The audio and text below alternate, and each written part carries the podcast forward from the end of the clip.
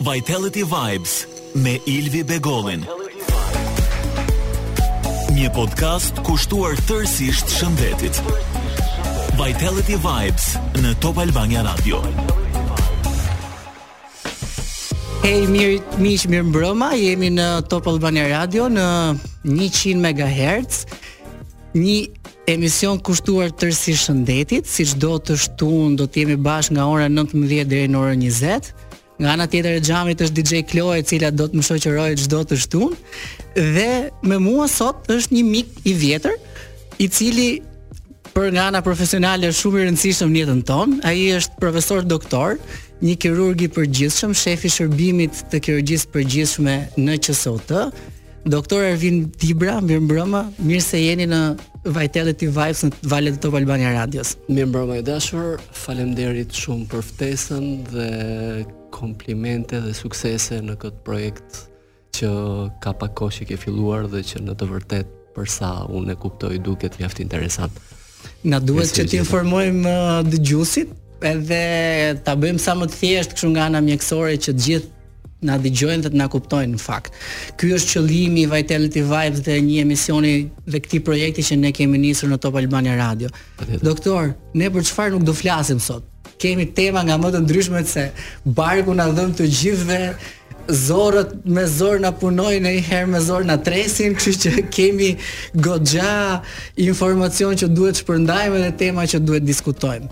Megjithatë, unë nga eksperienca ime e të kuptuarit se si funksionon kirurgjia e përgjithshme, Doja në fakt të kisha një informacion se si ka evoluar kirurgjia e barkut apo kirurgjia e përgjithshme në fakt në vendin tonë, sepse mbaj mend që më përpara bënim ne një operacion apandesiti dhe shikonim ne një shenjë që fillonte barku nga kërthiza i hapur deri te nga veshkat, kurse tani kemi evoluar në disa pika të vogla me kamera, me laparoskopi, domethënë me ca teknika mini invazive ku njerëzit na dalin nga spitali brenda dy ditëve. Nuk e di a jam i saktë apo jo, po i, i saktë, përveç dy ditëve dalin edhe shumë më shpejt nganjëherë. ah, okay. e, në Shqipëri, pak a shumë si edhe në botë, kirurgia ka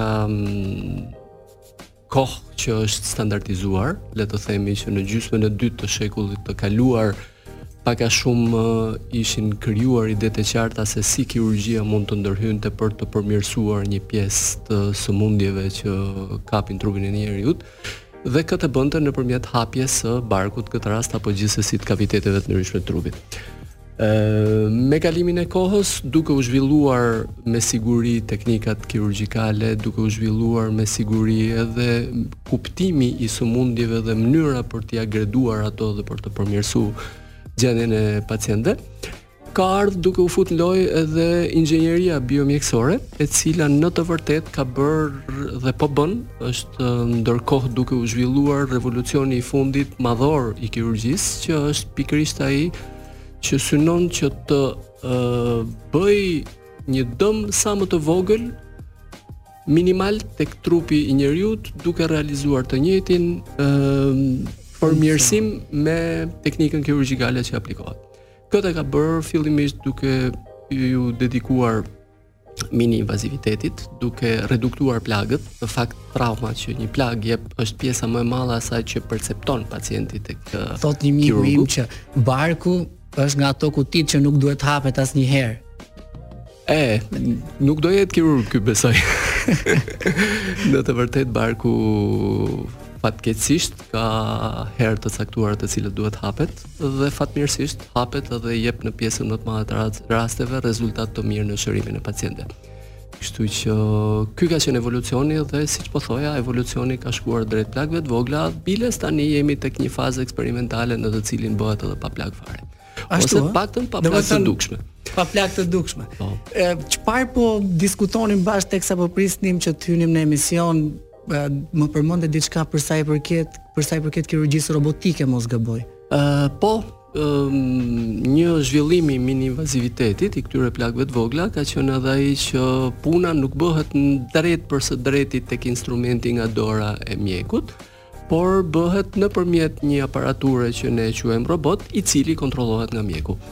Kjo lejon që të veglat të futen në hapësira më të vogla, të bëjnë një punë më minucioze, më delikate se sa ajo që do të bënte dora e mjekut apo gjithsesi një vegël e kontrolluar direkt nga dora e mjekut, duke pas në disa sëmundje dhe në disa zona të trupit të njeriut rezultate spektakolare dhe këto janë në... Domethënë me ç'po kuptoj unë, ne sot operohemi nga barku dhe s'kemi më asnjë shenjë.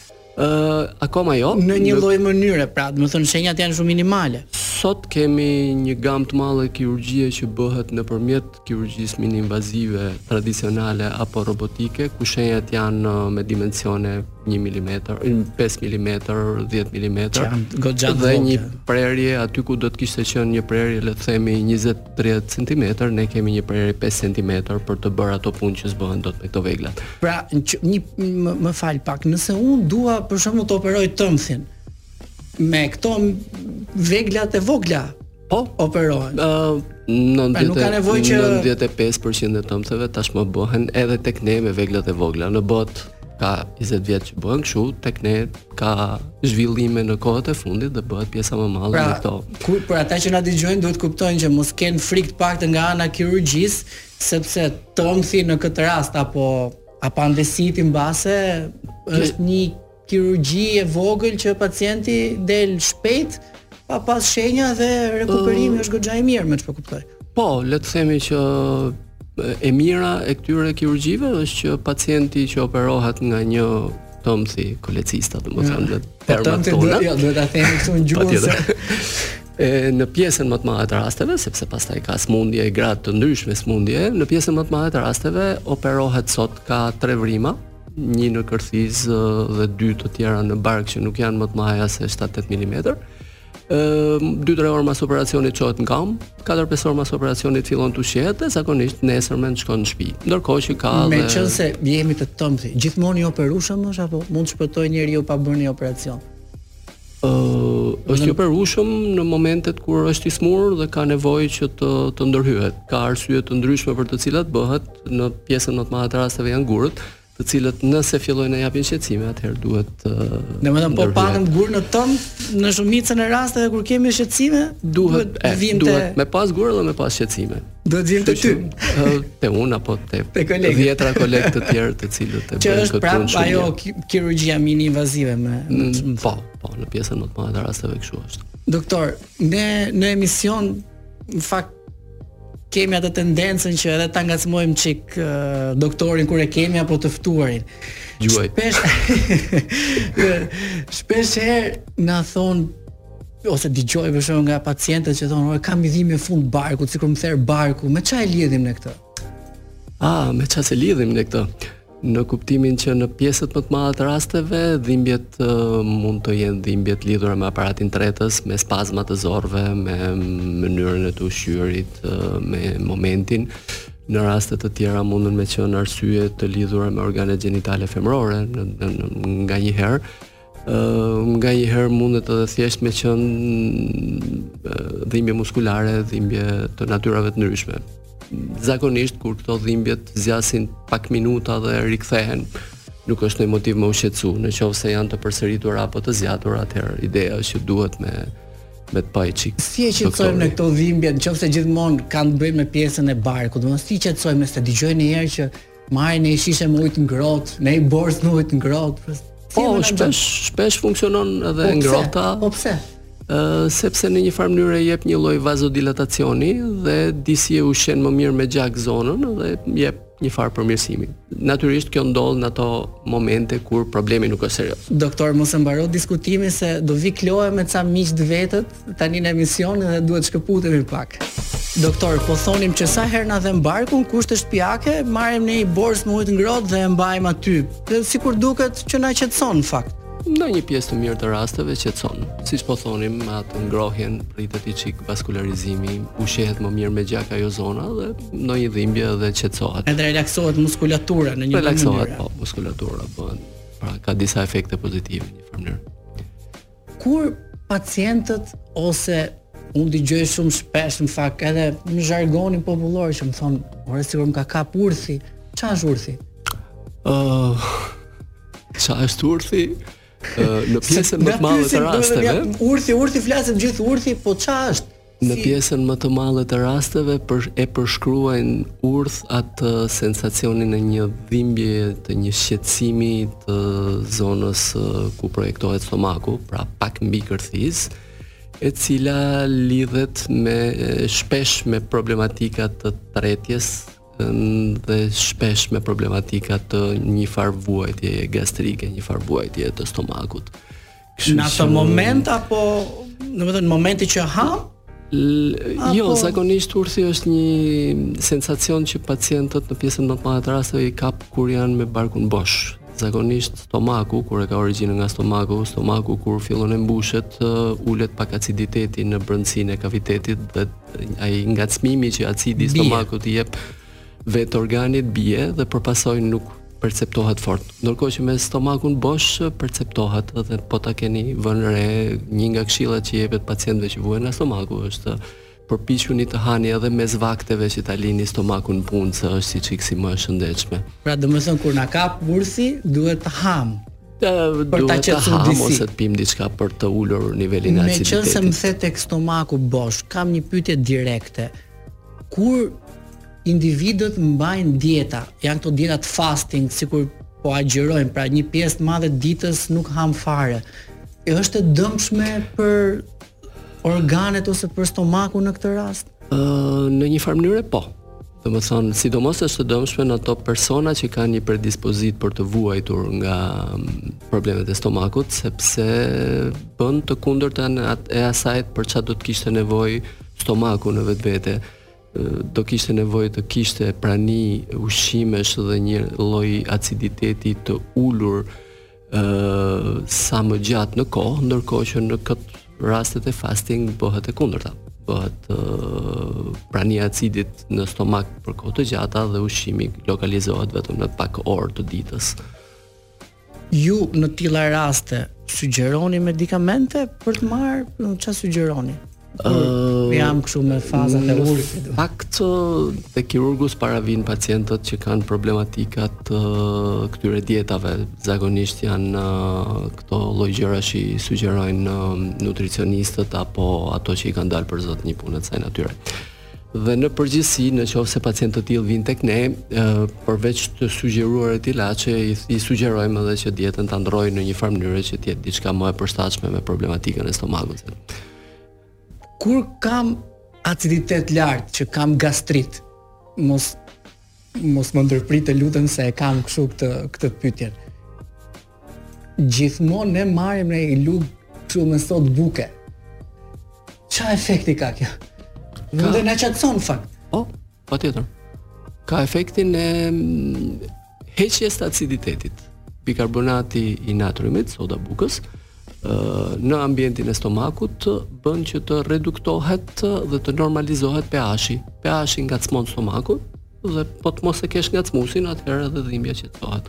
Po ka për shumë kohë ka qenë edhe pjesë e terapisë. Ashtu, domethënë e vazhdojmë ne që mund që mund të vazhdojmë që mund ta përdorim sikur në një lloj mënyre apo Në një farë mënyre, në kushte shtëpie, pa pas dispozicion diçka pak më të elaboruar, mund të përdoret, natyrisht nuk duhet bëhet rregulli, duhet pastaj me, me shku tek ato gjëra që janë akoma më të përshtatshme sepse industria farmaceutike ka ecur dhe ka prodhuar gjëra të cilat edhe ndihmojnë më shumë, por edhe janë njëkohësisht kuruese dhe qetësuese për pasojë duhet me me orientu pra po kështu si sa si për shembull sa shpes të digjoj i lug kafe i gjysëm lug gjelle i lug çaj aty te luga e kafes rrotullohet përgjithësisht sa si e mjaftueshme edhe dhe diçka duhet marr gjithmonë pas ushqimit apo duhet prit pak sapo të fillojnë këto simptomat e, jo soda bukës duhet marr kur ke çik dhimbje dhe ke nevojë me qetësu derisa të mbërrish me me me, me marr terapinë e duhur pas ushqimit nuk ka asnjë arsye që të merret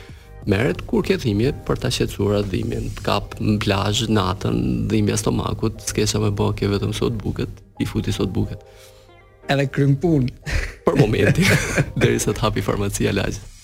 Ë për diçka tjetër pak më të detajuar ju ça sugjeroni? Sugjeroni kështu Shurupra. Ekzistojnë preparate nga më të ndryshmet, të cilat kanë qëllim thjesht normalizimin e aciditetit. Po janë shurupra, janë xhelëra, janë tablete, nuk janë të dëmshëm, jo, përgjithsisht thjesht bëjnë këtë efektin kimik brenda kavitetit të stomakut dhe dalin pa qënë pjesë e dëmtimeve apo shqetësimeve të metabolizmit të organizmit, ndërkohë që pastaj Terapia e mirëfilltë përgjithsisht përqendrohet te omeprazoli dhe variantet e tija, të cilat bëjnë një ulje të prodhimit të aciditetit për një periudhë kohore sa të shifet e arsyeshme dhe për t'i lënë kohë stomakut me këtë gastritin apo me këto fenomenet inflamatore që të qetësohet dhe të vetëriparohet.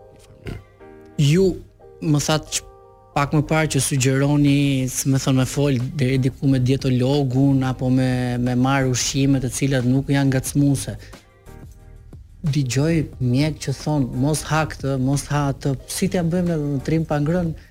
Kur kemi oh. kështu ushqime që mund na irritojnë se i shkreti njeri qefin e ka që të haj edhe edhe ato që i vijnë për që janë se i japin çik kështu ndjellje domethënë. Siç ndodh rëndom në jetën tonë, gjërat që të pëlqejnë më shumë përgjithsisht kanë tendencën me t'i ndalu. E njëjta gjë ndodh edhe me ushqimet në pacientët që vuajnë nga stomaku, sepse në përgjithësi disa lloj ushqimesh e, e acarojnë stomakun, disa pije, disa përveç duhanit, alkoolit e gjona të kësaj natyre pijet me gaz. Ka ushqime të cilat i japin një lloj efekti acarues të stomakut dhe për pasojë mjeku këshillon që të evitohen. Por po ta marrim me qetësi, shohim që ngelen e teprojnë sa të duash ushqime për t'u ushqyer mirë, fatkeqësisht duke u përpjek me evitu disa gjona që munden me kenë të shijshme. Dolëm në një dark, hëngrëm, pim, u frym, na filloi dhimja e stomakut. Si ta menaxhojmë? Po nëse zakonisht... Si ta menaxhojmë tretje? Nëse zakonisht perceptohet ose dihet që në një farë mënyre e ke stomakun pak me probleme, në radhë të parë do të duheshe me menaxhu para se me u ul aty te tavolina, me hangër një çik më pak, me pi një çik më pak me u përpjek me qenë pak më i shëndetshëm. Ndërkohë që më mrapa me majt në xhep noi nga këto preparatet, nga këto kokrrat që ulin aciditetin edhe Me prit deri sa të tretet ushqimi dhe deri sa të kalojë ai sikleti që shkakton kjo ushqyerja ngacmuese.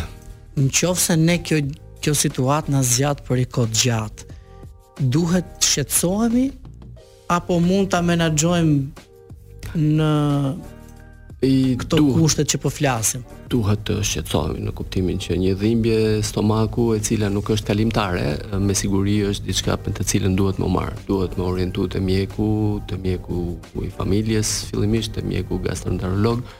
Ë tashmë problemet e stomakut kanë një metodologji diagnostike spektakulare që mbërrin me dhënë ë rezultate mjaft të mira në diagnostikim dhe për pasojë është gjynah mos me i bo kur njeriu ka shqetësime, sepse ka shqetësime dhe pjesa më e madhe e këtyre shqetësimeve gjen edhe zgjidhjen në momentin që bëhet një diagnozë e saktë.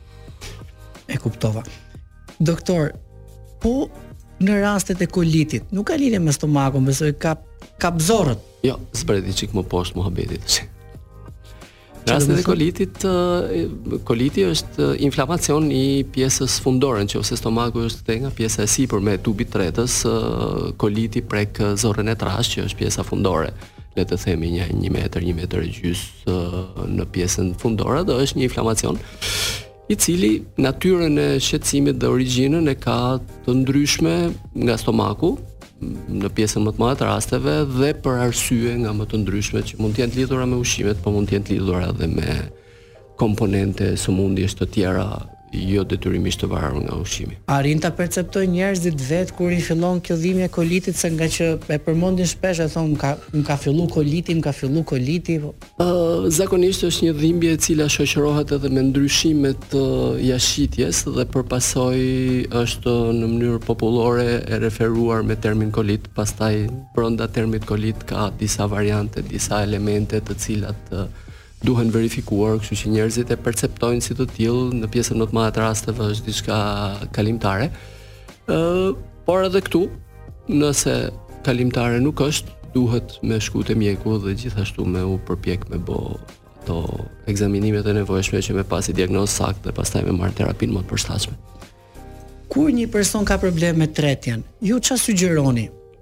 Dietë, dietë kombinuar me ushqim, me me ë suple, me suplemente, domethënë ose me medikamente apo me Ëm në fakt këtu dalim një çik nga kirurgjia ime, kështu që po pres jemi jemi duke shkelur nëpër tokat e tjetërkujt në një farë mënyre, por uh, ajo që sugjerohet kur ka probleme me tretjen është um, përmirësimi i dietës dhe në të njëjtën kohë në qoftë se gjykohet që ka mungesa apo nevojë për integrator, mungesë nevojë për enzima të ndryshme, nevojë për disa baktere të mira që ndodhen nëpër zorrë, të cilat munden me kenë me mungesë, sugjerohet që të integrohen bashkë me një dietë të përshtatshme. Në qoftë se unë konsumoj shumë alkool, pra dal një natë dhe konsumoj alkool, nuk po them që dehem, po Jam qejfli dhe konsumoj, se në fakt kam një pyetje që ma ka dërguar një një mikesh, e cila po na dëgjon thotë pyete një çik doktorin, në qoftë se unë konsumoj alkool thotë ça organesh dëmtoj, pra ku ça duhet të kem kujdes. Oh, sa të duash dëmton organe, e para është e rëndësishme që ta konsumosh alkoolin rrallë. Në kuptimin që një e pime nuk bën keq, po në qoftë se fillon e bëhet e përsëritur, atëherë dëmet janë të potencialisht të mëdha drejt mëlçisë, drejt pankreasit, drejt stomakut, drejt në përgjithësi aparatit tretës dhe pastaj kur çoroditen këto lloj gjërash në formë kaskade vjen e çoroditet pak metabolizmi i gjithë organizmit. Kështu që mira është që me konsumu me terezi. Kështu i thohet apo jo? Me terezi patjetër, me terezi patjetër se sepse në fakt alkooli s'diskutohet që është një ndër ato produkte që na bën dëm në qoftë se merret me tepri. Ore po kërkoni shtëpi me çmime të mira nga veriu në jug, në kryeqytet apo në bregdet, ka vetëm një vend ku mbaroni punë, Century 21 Habitat, me vendodhje tek rrethi i Ekonomikut në Tiranë dhe me shtrirje në të gjithë Shqipërinë, Century njëzet e një Habitat trajton apartamente, vila luksoze, toka dhe hotele. Kontaktoni grupin më fantastik të konsulentëve imobiliarë në 067 27 66 008. Doktor, po deshe ndonjë shpi, Century njëzet e një Habitat e kemi dhe afër këtu, kështu që me çmime të lira ata çunat janë fantastikë në fakt në në shërbim. Për momentin jam rahat, po do ta konsideroj në të ardhmen. Mirë doktor, për t'iu rikthyer diskutimit, ë çfarë në fakt po ju thoja për një fenomen që unë e has shumë shpesh tek gjithë ato vajza që janë bërë mama, tek ato mamat e reja që kanë bërë lindje cezariane, po dhe lindje natyrale që kanë pasur një shtim të peshës shpesh herë përmendin një fenomen që ne e konsiderojmë diastaza abdominale. Për ta thënë më shqip për ata që na dëgjojnë, një sensacion sikur muskujt e barkut hapen dhe si të thuash sikur distancohen nga njëra tjetra.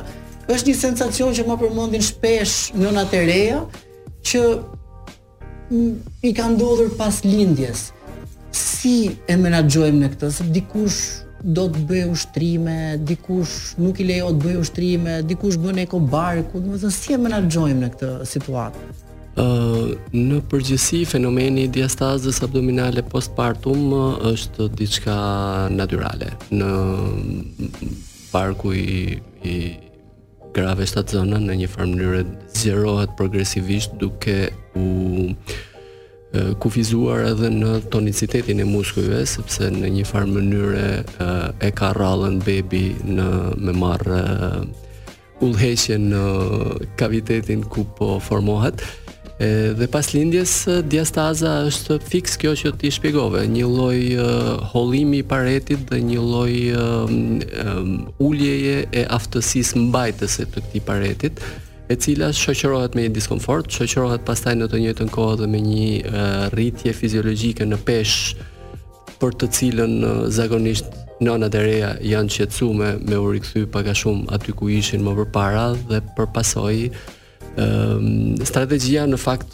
nuk nuk është thuajse kurrë kirurgjikale, është një strategji konservative e cila përpiqet të sugjerojë një farë aktiviteti fizik për tonizimin e muskujve, ë për një lloj kujdesi për pjesën e peshës në në mënyrën e të ushqyerit, në mënyrën e menaxhimit të metabolizmit të organizmit dhe rrallë herë mund të shkojë drejt ndonjë hernieje apo ndonjë problemi të kësaj natyre, në të cilën pastaj fillon e futet në lojë kirurgjia për nevojat e riparimit. Pra rikthehet rikthehet aty ku ishte. Përgjithësisht. Të, të gjitha atyre nënave të reja që mund t'i ketë ndodhur si fenomen dhe që na dëgjojnë, se mund ta kemi dhe skup këtë pjesën që po flasim, diastaza abdominale është një problem i cili rekuperohet fare mirë me ushtrime. Pra s'duhet bëhej merak. Pra është diçka që rikthehet në pozicionin ku ishte. Pjesa dërrmuese rikthehet në pozicionin ku ishte apo rikthehet aty ku do jetë normaliteti në vazhdim postpartum, ndoshta trupi i një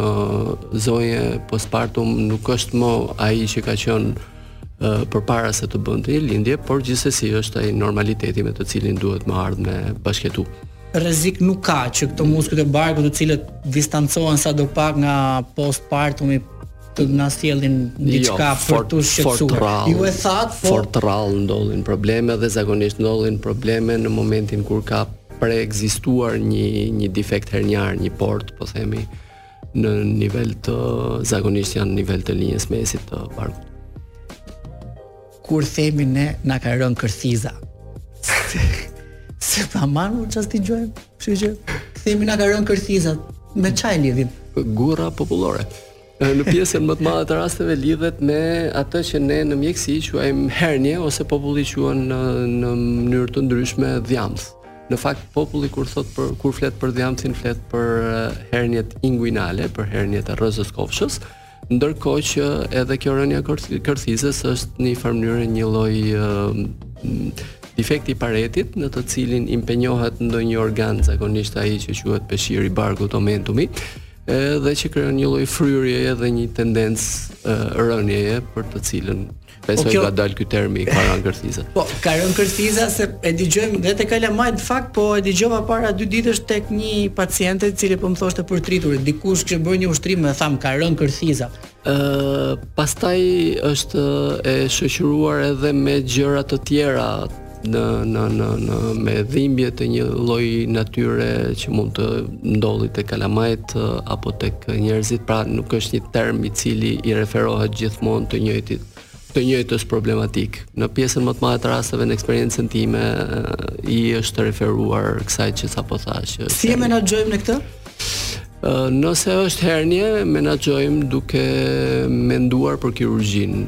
Në disa raste të rralla është diçka që mund të shtyhet, mund të menaxhohet edhe pa kirurgji, por në pjesën më të madhe të rasteve shkojmë drejt një riparimi me një qepje të vogël apo me vendosjen e një rrjete të vogël për ta për ta stabilizuar. Por ata djem edhe vajza që bëjnë palestër fort edhe në mënyrë intense, ngritja e peshave e rrezikon një situatë të tillë? Në përgjithësi ngritja e peshave çon lart presionin brenda barkut dhe për pasojë në qoftë se ekziston tendenca për një portë herniare, ajo ka tendencën që ta shfaqë më shpejt rritja ngritja e peshave apo dhe kolla. Këto janë dy fenomenet më të shpeshta që Pra dhe kolla mund të na krijojë një edhe kolla, por duhet të ekzistojë përpara një problem. Pra duhet të kemi një lloj defekti të lindur apo të fituar në atë zonë të murit të barkut që pastaj ngritja e peshave në palestër apo kolla apo mm, profesione të caktuara me sforco fizike të jenë të predispozuara për ta shfaqur hernien. Gjithmonë kirurgjikale janë apo Mund ta menaxhojmë edhe edhe ndryshe. Zakonisht kur hernia instaurohet, kirurgjia është gjëja më e këshillueshme. Ekzistojnë teori dhe tendenca për ta mbajt me rripa, me breza, me gjëna të kësaj natyre, por që shpesh ndodh që të dëmtojnë më shumë se sa të riparojnë. Pas një kirurgjie të tillë, sa për sa shpejt i kthehemi sportit, aktivitetit? Pas një kirurgjie të tillë duhet të kuptojmë se me ça kuptojmë me sport. Në një profesionist me siguri në, ka nevojë për pak më shumë kohë për tu për ta lënë të qetë ambientin ku është punuar në mënyrë që problemi të mos përsëritet. Ndërkohë që një jo profesionist që nuk para bën aktivitet aq të fortë sportiv sa të shkaktojë stres te plaga, përgjithësisht i rikthehet për rreth një muaj, po pastaj varet ndërron rasti nga rasti, ndërron në uh, dimensioni i hernies mënyra e riparimit që është aplikuar, pozicioni i saj ka disa variabla për të cilat duhet me u adaptu me pra, me pacientin. Gjithsesi sugjerojmë që timit që të jenë të kujdesshëm ata që rikthehen sportit pas një interventi të tillë, besoj.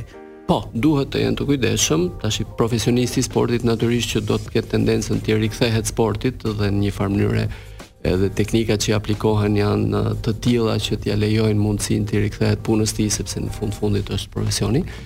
Ëh, të tjerët duhet të kenë një farë kujdesi dhe nga ana tjetër jo detyrimisht mund duhet të ndërpresin gjithçka, mund të vazhdojnë ato lloj ushtrimesh, ato lloj elementës të palestrës apo të gjërave të cilat nuk i japin bezdi zonës ku është punuar. Doja të ndalesha në fakt te një temë pak e rrallë, po në qoftë se mund ta quajmë e dëgjushme kohët e fundit, te këto tumoret e zorrëve, tumoret e stomakut që janë shtu shumë te moshat e reja, Me ça e lidhni ju, domethënë një situatë të tillë, se shohim shumë shumë kohë të fundit në fakt. Ë, është e vërtetë. Në fakt janë shtuar në përgjithësi dhe që se kuptoj, më nuk Shqik edhe rrallë, besoj për ta kuptu që ke një tumor të barkut se... Po, patjetër, është, është rrallë dhe është vështirë që të mendohet ndofta edhe nga mjekët ku shkohet herët e para prania e një tumori në një moshë të re, sepse mm, vazhdon të jetë një problem i moshave disi më të rritura dhe jo i disa dekadave specifike pastaj varet nga tumori. Arsyet e rritjes së përqindjes diagnostikimit tumoreve janë të shumta dhe jo gjithmonë të mirënjohura prej mjekësisë. Ne e konstatojmë këtë fakt, pastaj shumë i atribuohet rritjes së nivelit diagnostik ne Kemi mjete më të mira për të zbuluar arsyet e sëmundjes së një pacienti dhe me siguri edhe arsyet edhe pranitë e tumoreve në pacientë të, të ndryshëm. Ë fatmirësisht të shoqëruar edhe me mjetet për t'u përpjek me i zgjidh, me i kuru këto tumore. shpesh i atribuohet ndotjeve ambientale, i atribuohet problematikave në ushqyerje të gjithë këtyre regjionave të reja që kanë fillu me u fut në rritjen e agrikulturës, blegtorisë, pra ushqimet me pesticide, le të themi, ushqimet me pesticide, ushqimet me hormone, ushqimet që gjithsesi nuk janë ato Bioja natyrale që dikur kemi kemi patur dhe që tani e kemi gjithnjë më pak, ë uh, ambientet janë më të ndotura nga tymra, nga nga rrezatime të ndryshme, nga mm, prania në jetën tonë të përditshme të disa stimujve të cilëve akoma nuk ja dimë mirë efektin dhe për pasojë me kalimin e viteve do vim duke kuptuar gjithnjë e më shumë dhe ndofta dhe duke evituar disa prej tyre. Ë por ky është fakti dhe në një farë mënyrë mjekësia përpiqet të ambientohet me këtë fakt të adaptohet të rrisë nivelin e vigjilencës dhe të rrisë kështu kapacitetin për të ndihmuar. Ju në punën tuaj çfarë shikoni më shpesh? Do të kush janë rastet që ju bëjnë më shumë përshtypje? Ë, uh, t'ju them të drejtën në punën tonë, timen, të kolegëve të mi në kirurgjinë e përgjithshme, ajo që na bën përshtypje negative duke ngelur në në në problemet e tumoreve na bën fakti që ne rrallë kapim tumore në stadet fillestare. Aty ku do të kishim edhe një lloj sigurie në trajtim ë uh, kurues uh, të mirë. i kapim shpesh në rastet e avancuara dhe ky është një ndër problemet themelore që hasim. Zbulo teknologjitë inovative të kujdesit mjekësor nga BTL Medical. Një kompani e krijuar në vitin 1993 ka arritur të jetë një ndër prodhuesit më të mëdhenj në botë të pajisjeve mjekësore në mbi 80 shtete në të gjithë botën. BTL përfshin dermoestetikë, kardiologji, fizioterapi. Është një lider në tregun mjekësor të trajtimeve jo invazive me mision shërimin e pacientit dhe rekuperimin e kohës së pacientit. Mirë doktor, për t'u rikthyer edhe një herë te diskutimi i vogël që po bënim për sa i përket kirurgjisë robotike, meqenëse kishim dhe sponsorin BTL në Vitality Vibes. Ju po thonit pak më përpara që kirurgjia robotike është një inovacion i cili po përdoret gjerësisht në kirurgjitë e barkut.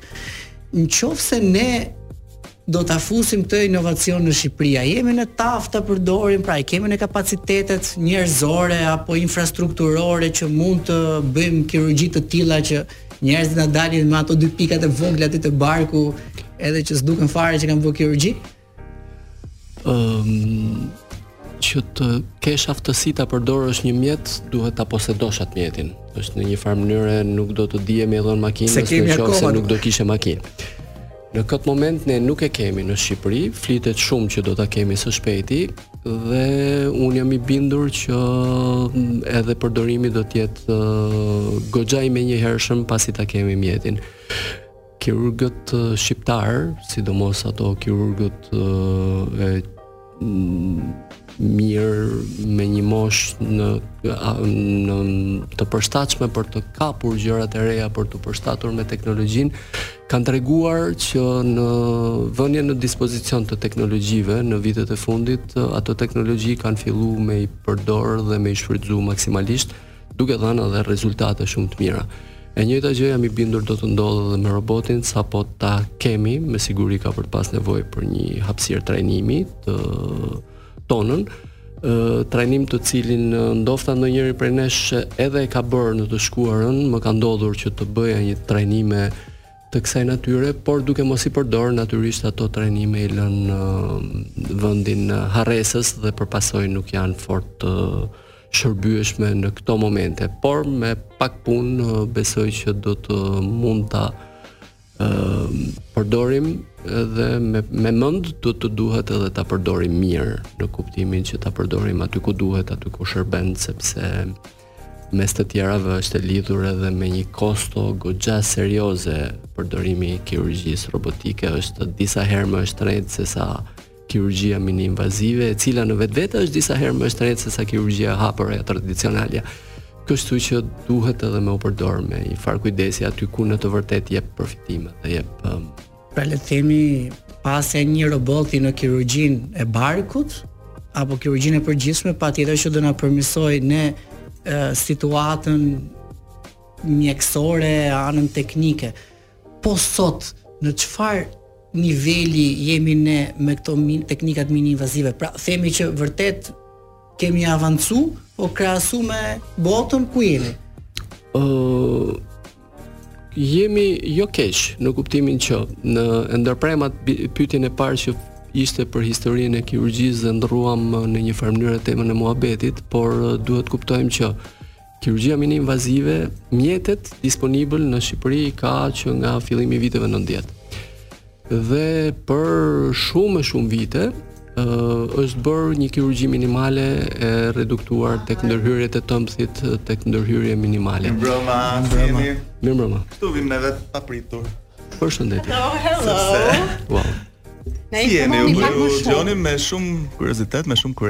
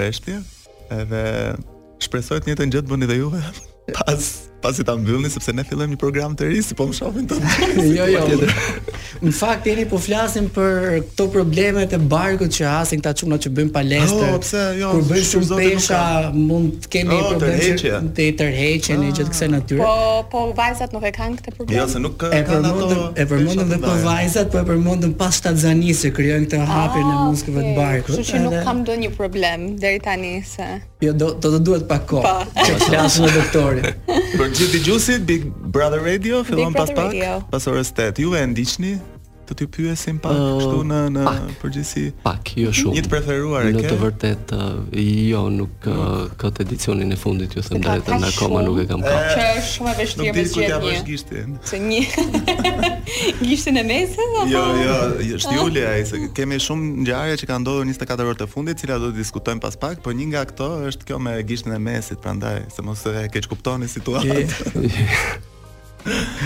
po na bëni kurioz. Po pa patjetër. Do ta ndiqni me me shumë kureshtje. O tërmet apo jo? Jo, nuk po lëviz gjë po, po akoma. Po si? Po po pra flisni. Po pra lëvizni. Ishte shumë kënaqësi, ritakohemi pas pak bëni dhe mbylljen. U ikëm ne. Ja me lejen e nishës pas pak do Valbaniana. Mirë doktor, ishte kënaqësi që ju kisha sot në studio. Pa patjetër që ne do t'ia lëmë vendin dy kolegëve të cilët do flasin për Big Brother Radio, Enit edhe Leit. Shpresoj që të ritakohemi sërish dhe të rigjehemi sërish me tematika të tjera shumë interesante. Do kemi goxha për të folur. Të dashur miq, ë uh, ishit në Vitality Vibes me doktor Ervin Dibrën. Ritakohemi të shtunën tjetër, deri atëherë në Vitality Vibes, Vibes do t'ju informojmë nëpërmjet rrjeteve dhe faqeve tona. Ritakohemi të shtunën në orën 19 deri në orën 20 sërish së bashku me të tjerë të ftuar.